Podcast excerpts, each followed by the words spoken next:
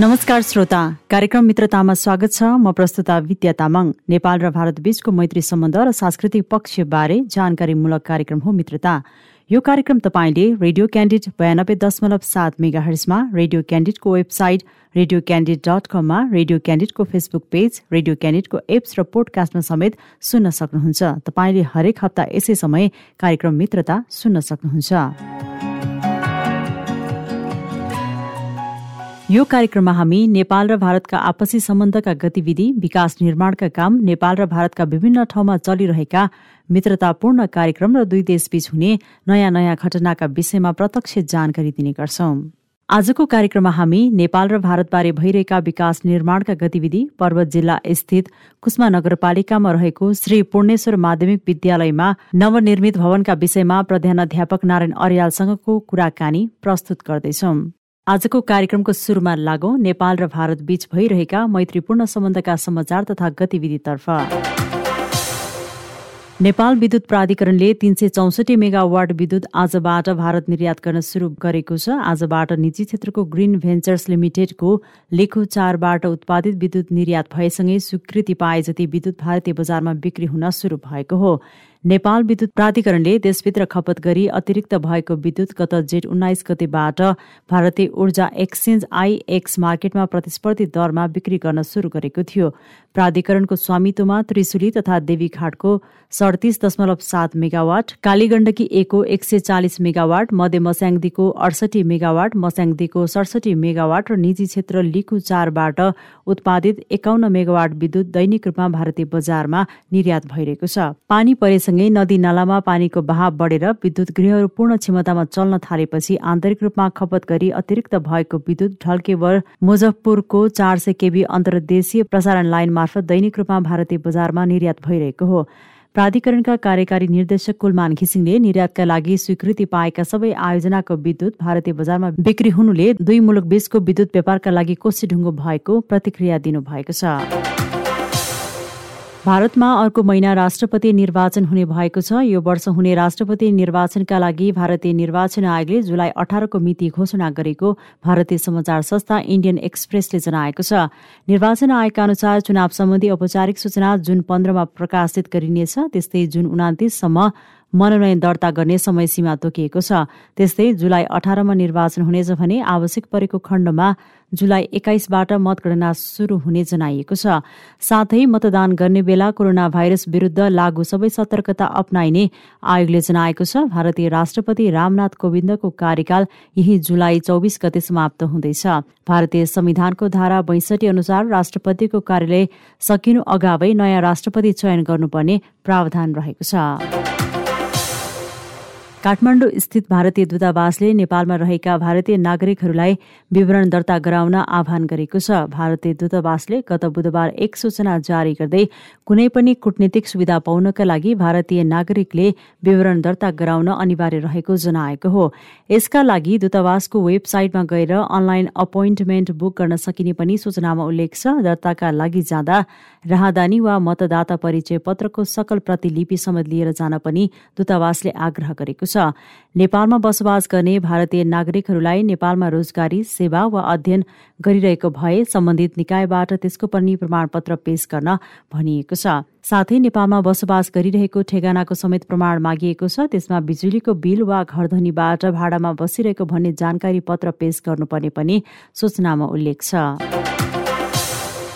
भारतको रक्सोलमा राष्ट्रिय खाद्य प्रयोगशाला स्थापना भएको छ। नेपाल सरकारका कृषि तथा पशुपन्छी विकास मन्त्री महेन्द्र राय यादवको उपस्थितिमा भारत सरकारका स्वास्थ्य एवं परिवार कल्याण मन्त्री डाक्टर मनसुन मण्डावियाले रक्सोल बिहारमा राष्ट्रिय खाद्य प्रयोगशालाको उद्घाटन गर्नुभएको हो। प्रयोगशाला भारतीय खाद्य सुरक्षा एवं मानक प्राधिकरण एफएसएसएआईले स्थापना गरेको हो। प्रयोगशाला स्थापनासँगै नेपालबाट हुने विभिन्न वस्तुको निकासी अघि भारतले गर्ने गुणस्तर परीक्षण सहज हुने बताइएको छ। प्रयोगशालाले नेपालको खाद्यान्न र कृषि निर्यातको नमुना परीक्षणमा लाग्ने समयको बचत गरी भारत र नेपाल बीचको द्विपक्षीय व्यवहार बढाउन सहयोग हुने पनि विश्वास लिएको छ। हाल यी नमुनाहरूको परीक्षणका लागि दिल्ली वा कलकत्ता पठाउनु पर्ने अवस्था रहेकोमा अब बिहारमा नै परीक्षण हुने भएको हो। नेपाली निर्यातकर्ताले रक्सोलमा प्रयोगशाला स्थापनाको माग गर्दै आएका थिए। नेपालबाट भारत निकासी हुने प्रशोधित तेल भटमासको अर्ध प्रशोधित तेल खाद्यान्न छाला लगायतका वस्तुको परीक्षण सहज हुने वीरगंजका निर्यातकर्ता सुरज रुङ्गाटले बताउनुभयो।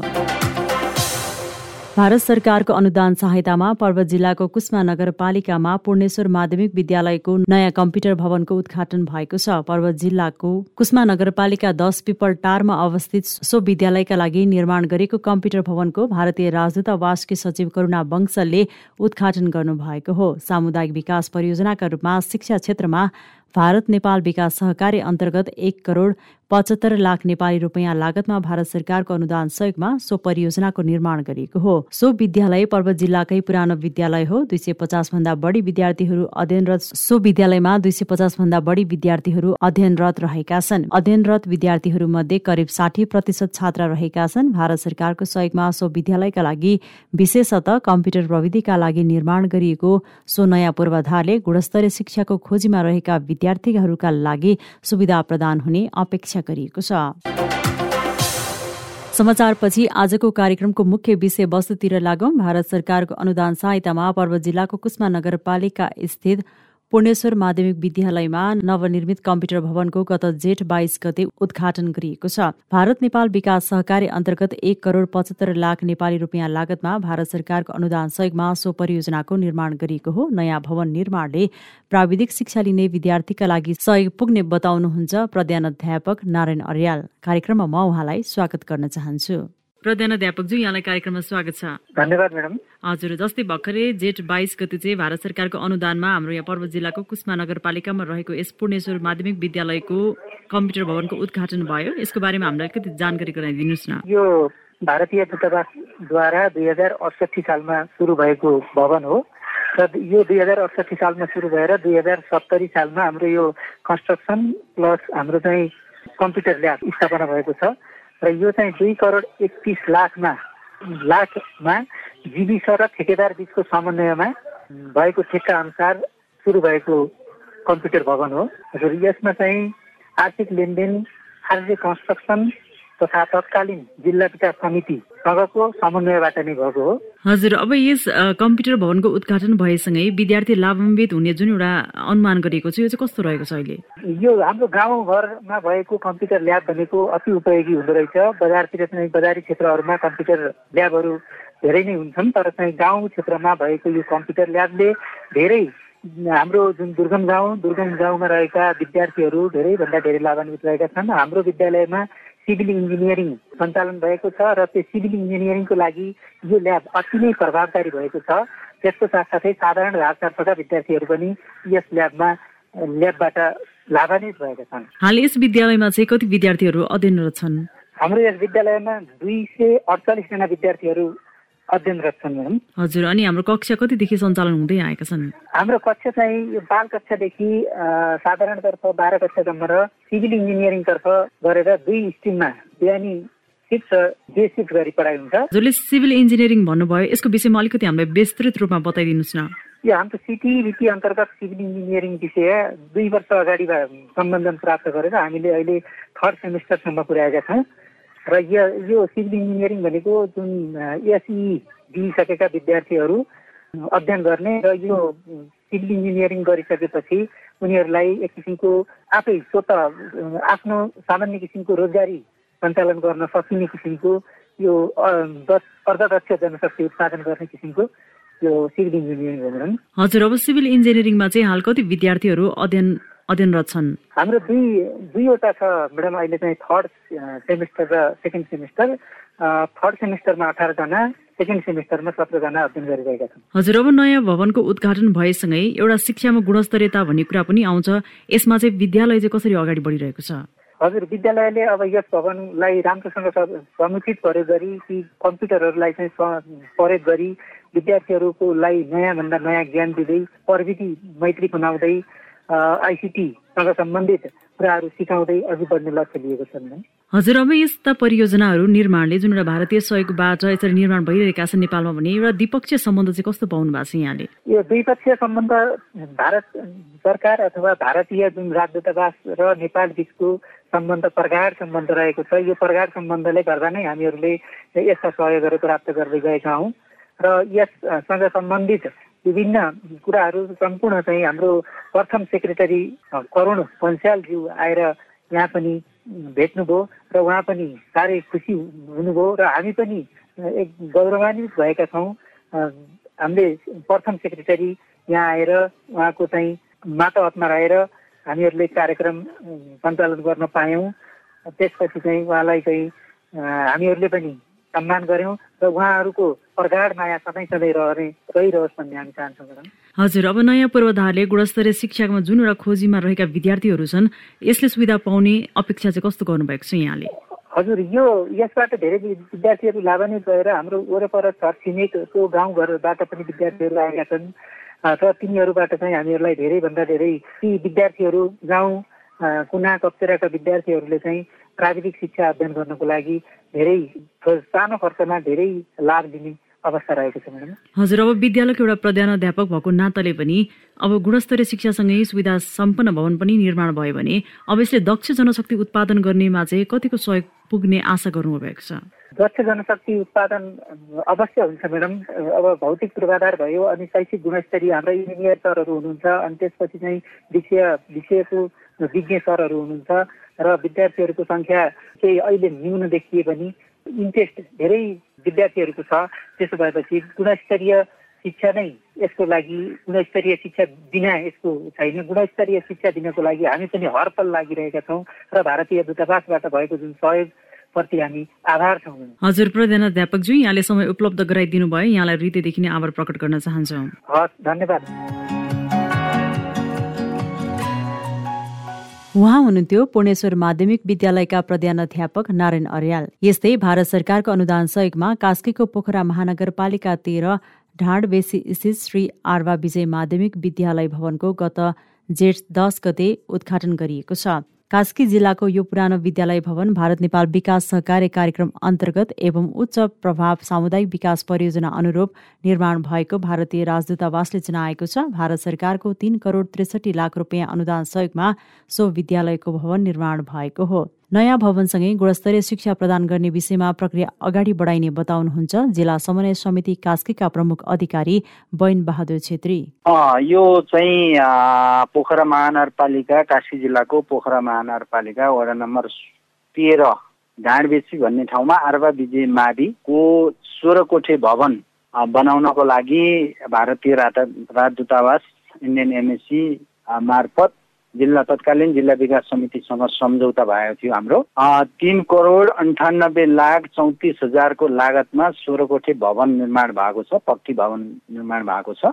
कास्की जिल्लाका धेरै ठाउँमा यस्ता विद्यालय भवनहरू शैक्षिक संस्थाका संरचनाहरू भारतीय राजदूतावासबाट हामीले सहयोग प्राप्त गरेका छौँ। त्यसै अनुसारको यो पनि एउटा भवन हो। अब यो पक्की भवन निर्माण हुँदाखेरि एउटा विद्यार्थी जुन अपेक्षित रूपमा विद्यालयमा आउने जुन एउटा देख्नुहुन्छ त्यो चाहिँ कस्तो पाउनु भएको छ यहाँले?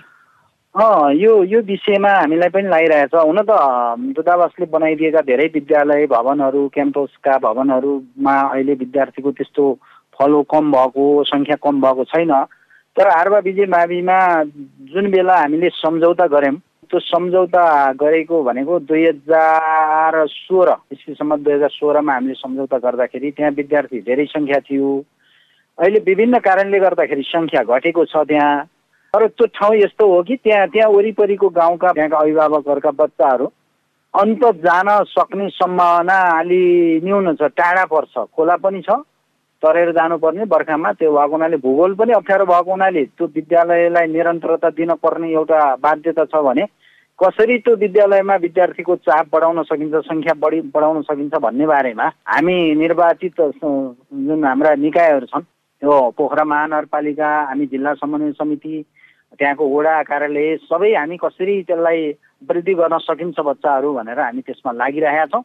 र त्यो ठाउँको हिसाबले भोलि बच्चाहरू बढ्न सक्ने सम्भावना भएको पनि ठाउँ भएको हुनाले हामी लगाइरहेका छौँ हजुर। हजुर अब यो दुई हजार सोह्रदेखि यसको शिलान्यास भए भनौँ यो सम्पन्न हुन चाहिँ यसलाई कति वर्षको एउटा अवधि लाग्यो? यो त सन् दुई हजार बिसमै सम्पन्न हुन पर्ने भित्रै सम्पन्न हुन पर्ने हो। विविध कारणले गर्दाखेरि अब यो नेपालको राजनीतिक परिस्थिति अब यो चुनावको कारणदेखि लिएर विभिन्न कारण भए हिजो जिल्ला विकास समिति थियो अहिले फेरि जिल्ला समन्वय समिति हिजोको जिल्ला विकास समितिलाई समन्वय समितिको रूपमा रूपान्तरण गरेको छ हाम्रो संविधानले। यसै गरी हिजो हाम्रो जिल्ला विकास समितिमा जिल्ला प्राविधिक कार्यालय भन्ने हुन्थ्यो। त्यो प्राविधिक कार्यालय नै अहिले नरहेर पूर्वाधार कार्यालय प्रदेश सरकारको मातहतमा रहने गरी गएको छ। यी विविध कारणहरू पनि भए अर्को निर्माण व्यवसायले पनि अलिकति समयमा काम नगर्दाखेरि पनि हामीलाई केही समस्या भयो। र हामी आइसकेपछि त्यसलाई अगाडि बढाउन धेरै कोसिस गऱ्यौँ र निर्माण सम्पन्न भएको पनि पाँच पर्सेन्ट दुई पर्सेन्टको हाराहारीमा मात्रै काम बाँकी थियो। अरू काम त सम्पन्न भएको दुई वर्ष अगाडि नै भएको थियो। र त्यो कामलाई सम्पन्न गरेर उद्घाटन गर्न पर्ने हाम्रो व्यवस्था भएको हुनाले हामीले त्यो कामलाई सम्पन्न गर्नका लागि जिल्ला समन्वय समितिले धेरै सहजीकरण बैठकहरू पनि राख्यो। स्कुल व्यवस्थापन समिति स्कुल प्रशासन निर्माण व्यवसायी देखि लिएर प्राविधिकहरू सबैलाई राखेर एउटा समन्वय सहजीकरण बैठक राखेर हामी अन्तिम टुङ्गोमा के अरे निर्माण कार्य अन्तिममा पुर्याएर यसलाई उद्घाटनको चरणमा ल्याएका हौँ र यो काम पनि हामीले छ महिना अगाडि गर्न सक्थ्यौँ। अब मन के अरे एमबिसीमा पनि धेरै पटक हामीले पत्रचार गरेका छौँ। अब त्यहाँको पनि प्राविधिक कारणले गर्दाखेरि त्यो छ महिना अगाडिदेखि नै उद्घाटन हुने विद्यालय त्यहाँको टेक्निकल पाटोले पनि होला। छ महिनापछि मात्रै आएर हामीले उद्घाटन गरेका छौँ।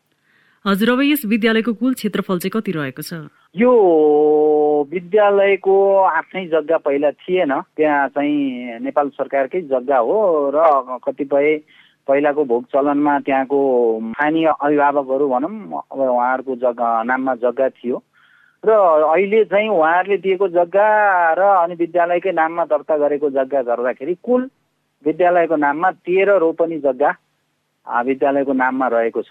जुन एउटा विद्यार्थीहरू त्यहाँनिर अहिले पढिरहेछन् पठन पाठनको लागि भने कुन कक्षादेखि चाहिँ सञ्चालन छ कि हजुरलाई जानकारी छ? एकदम जानकारी छ। एक त कास्की जिल्लाका सबै विद्यालयको जानकारी मैले लिनुपर्छ लिएको पनि छु मसँग त्यो नलेज पनि छ।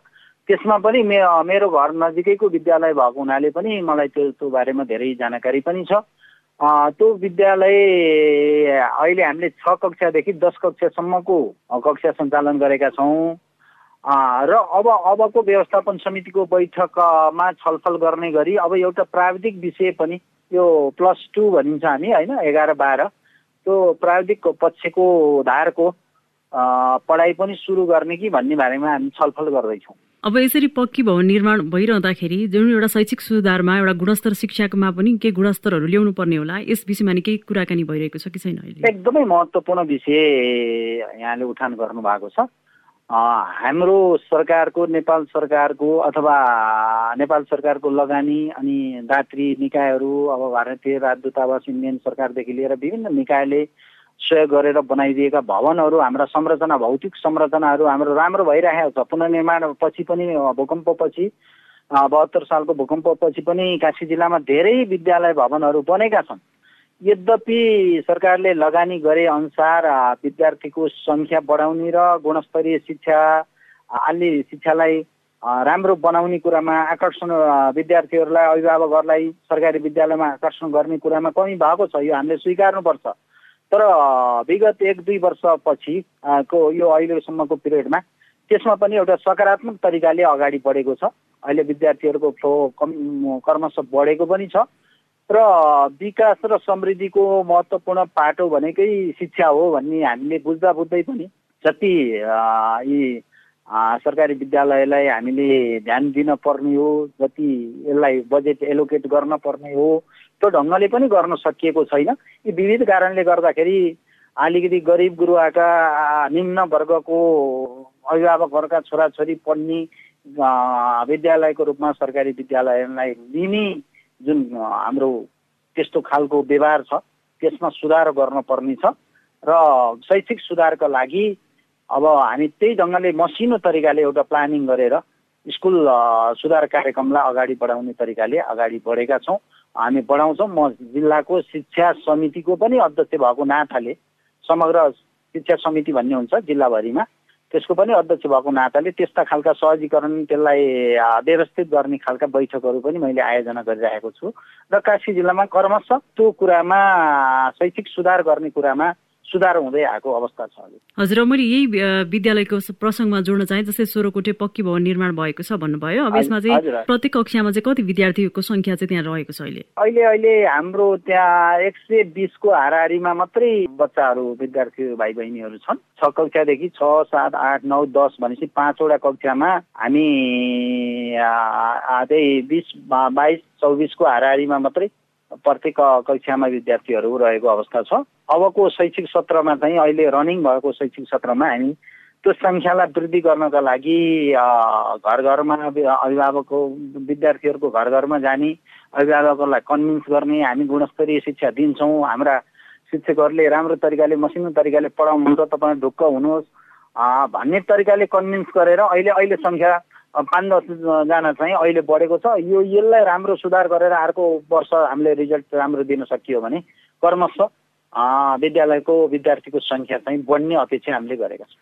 हजुर प्रमुखज्यू मैले हजुरसँग यही जोड्न चाहेँ जस्तै यो कम्पाउन्डको वाल निर्माणका लागि पनि पोखरा महानगरसँगको समन्वयको तर्फबाट पच्चिस लाख रुपियाँको लागतमा चाहिँ निर्माण गरिने भन्ने कुराहरू पनि केही आएको थियो जस्तो लाग्छ मलाई। हाम्रो त्यो दिनको चिफ गेस्ट श्रीमती खम्पाले र मैले संयुक्त रूपमा त्यो विद्यालय उद्घाटन गरेका थियौँ। त्यो बेलामा मैले बोल्ने क्रममा त्यहाँको माग थियो। विद्यालयको माग के थियो भने एउटा त विद्यालय खोलाको तिरमा छ वारिपारी नै मानव बस्ती छ त्यहाँका विद्यार्थीहरू वारी आउनको लागि त्यस्तो बाटोको पनि एप्रोच रोड व्यवस्थित छैन।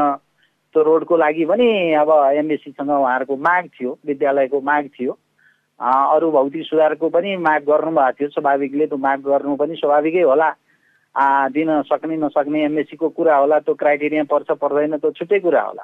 र अर्को चाहिँ विद्यालयको शैक्षिक सुधारको लागि अथवा विद्यार्थी के अरे विद्यालयको प्रशासनलाई चुस्त दुरुस्त बनाउनको लागि त्यस त्यसको सेफ्टीको लागि विद्यालयको कम्पाउन्ड वाल एकदमै महत्त्वपूर्ण पक्ष हो भन्ने हामीलाई लागेको छ र त्यहाँ माग पनि भयो।